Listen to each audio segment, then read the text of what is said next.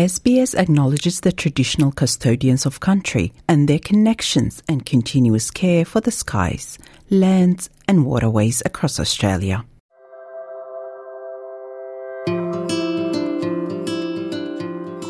You're listening to Australia Explained, an SBS audio podcast helping you navigate life in Australia. Australian Boxing Day is a unique blend of cultural and commercial significance. While it doesn't have a solid religious connotation here, it's a day where Australians extend their Christmas festivities. It's often a time for family barbecues, cricket matches, and watching the iconic Sydney to Hobart yacht race. At the heart of Boxing Day, for many Australians, it's considered a day that is where people can relax after the momentum that builds and the rush that happens in the lead up to Christmas. On the other hand, many Australians look forward to this day to sweep the stores for the best bargains. Boxing Day sales traditionally have been the premier retail shopping event on the calendar. I'm your host, Maram Ismail, and today we have a special episode about all that you need to know about Boxing Day in Australia.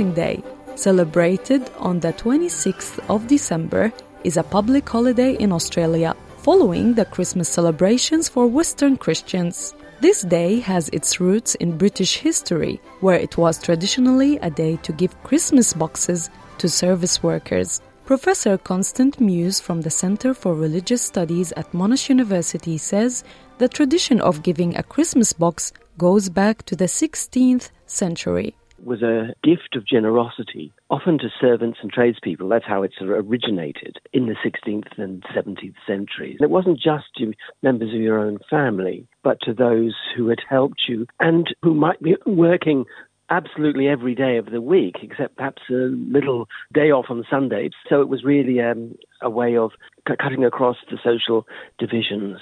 That's how it started, but it obviously transforms it transformed into a day of relaxation, sports, and famous Boxing Day sales in Australia in the last 19th and early 20th century, according to Professor Mews.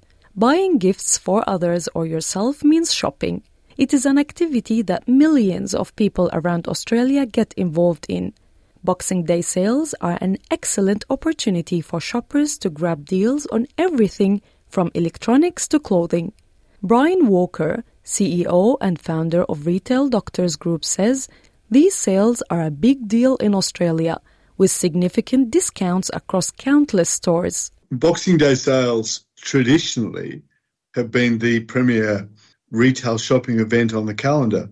Uh, from December the 26th for about seven days, approximately 23 to 25 billion dollars in sales is done from that period nationally in Australia. And the Boxing Day itself, the 26th, is the largest single day with about three to four billion dollars. Mr. Walker adds that Boxing Day has been with us since the 80s and the 90s and is dominated by the growth of big department stores. Well, the Australian and global retail scene has changed quite a lot since those days. And now there are considerably many more competitors than there were in those days, considerably more demand, and considerably more stock. So it's a more competitive environment for retailers at one level. It's a more competitive environment for shoppers who are well researched to do well in. Boxing Day is a pleasurable activity for some, especially the hunt for bargains that retailers offer. Australian Style Institute founder Lauren Di Bartolo says Boxing Day is an important sale time for Australians. But it's not the only sale time. In the lead up to Boxing Day, we have Click Frenzy in October and November Black Friday, and Cyber Monday in late November. From a fashion and lifestyle perspective, Boxing Day is very much about going and purchasing the pieces that you may have had on your wish list for a little while. And it's the opportunity to actually buy them knowing that they'll be reduced significantly. Retailers tend to purchase quite a lot of stock in the lead up to Christmas and that time of year. So Boxing Day is really where they then go to clean out all of the uh, additional stock that they'd purchased. While sales can be exciting, it's essential to create a budget, allocate a specific amount for shopping, and stick to it. Professor of Finance Nadia Massoud from the Melbourne Business School explains. Uh, first, you need to list the sources of uh, income or revenue, and then list the itemized expenses. And there is uh, some expenses that are stable and have no control over them. This is what we call fixed expenses. And there are variable ones. We consider them as discretionary. And this is where you have full control, where you can make choices.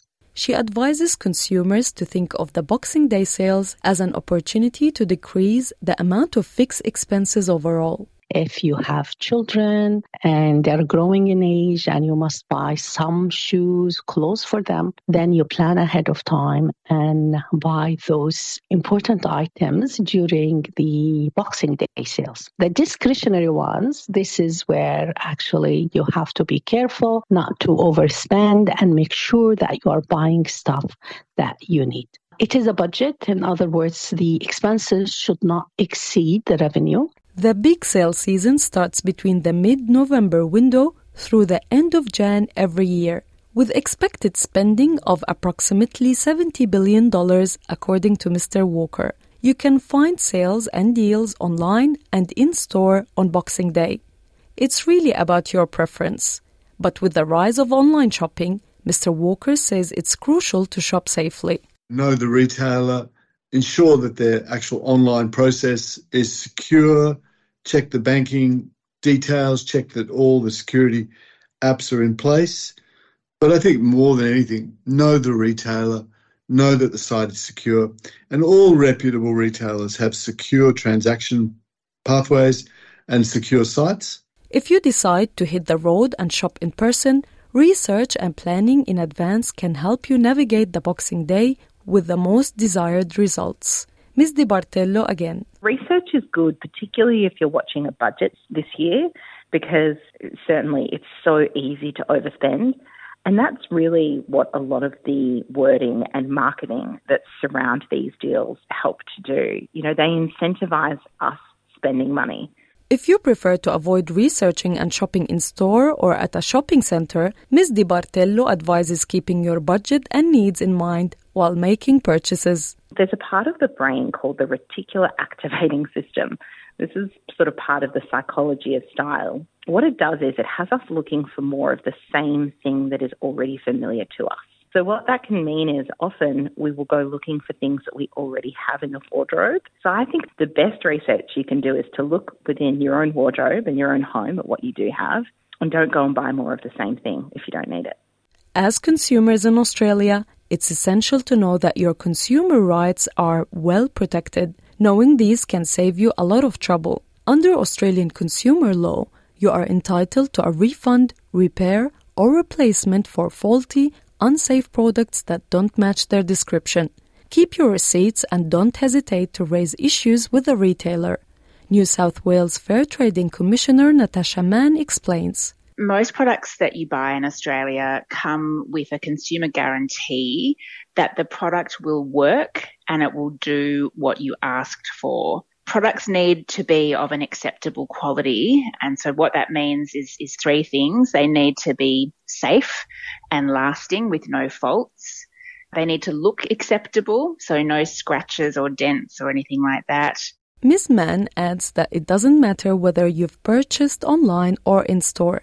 Your rights are the same, but it can be more complex when you have purchased from an overseas seller during the Boxing Day sales, just make sure that you're purchasing what you want to purchase because if you change your mind, you're not automatically entitled to a refund.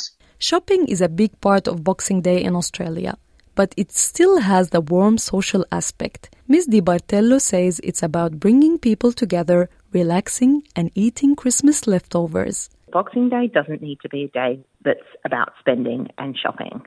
At the heart of Boxing Day, for many Australians, it's considered a day that is where people can relax after the momentum that builds and the rush that happens in the lead up to Christmas. in particular. And it's where people can actually come together and, and take a breath. Yeah, relax. Usually eating leftovers if they have celebrated Christmas the day before. Thank you for listening to this episode of Australia Explained. Written, produced, and hosted by me, Maram Ismail. Australia Explained managing editor is Rosa Germian. This was an SBS audio podcast. For more Australia Explained stories, visit sbs.com.au slash Australia Explained.